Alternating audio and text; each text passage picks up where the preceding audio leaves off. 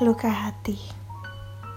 Biasanya luka di hati terjadi karena kamu sudah mulai bermain hati.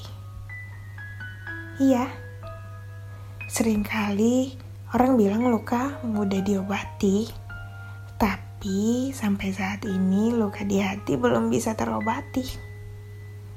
Banyak yang bilang jangan mudah jatuh cinta, karena mereka bisa datang dan pergi seenaknya. Hei, ini adalah hati.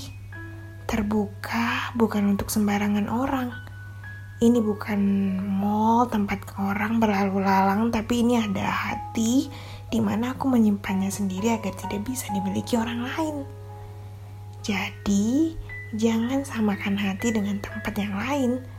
Hati mudah terluka jika runtuh dan sulit untuk membangunnya kembali.